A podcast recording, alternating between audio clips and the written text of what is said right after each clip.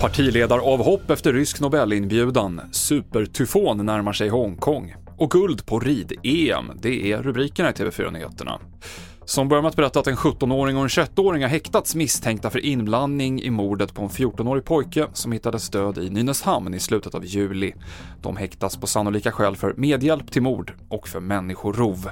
Polisen utreder också om mordet i Nynäshamn har kopplingar till mordet på en annan 14-årig pojke som hittades död i Upplandsbro för omkring två veckor sedan.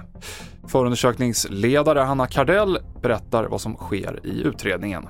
Ja, men polisen arbetar för fullt i det här ärendet och man eh, undersöker tekniska fynd, man eh, analyserar telefontrafik bland annat eh, och man fortsätter hålla förhör med personer. Så det är det som polisens arbete går ut på just nu. Flera partiledare uppger att man kommer bojkotta Nobelfesten med anledning av Nobelstiftelsens beslut att bjuda in Rysslands ambassadör till årets prisceremoni i Kulturhuset, alltså inte festen i Stadshuset. Centerns Muharrem Demirok var först ut med att tacka nej idag.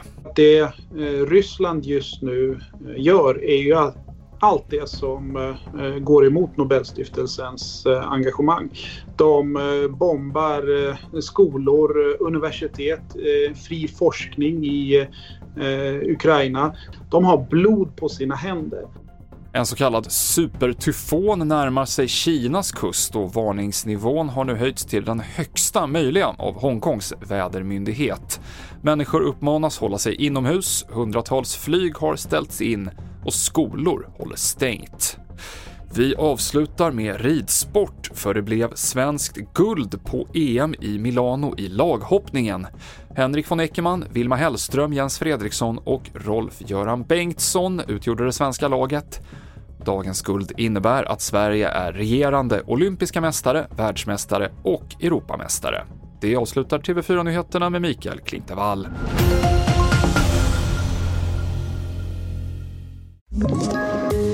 Poddtips från Podplay.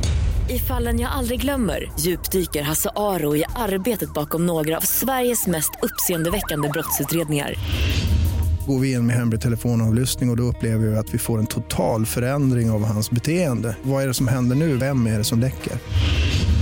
Och så säger han att jag är kriminell, jag har varit kriminell i hela mitt liv men att mörda ett barn, där går min gräns. Nya säsongen av Fallen jag aldrig glömmer på Podplay.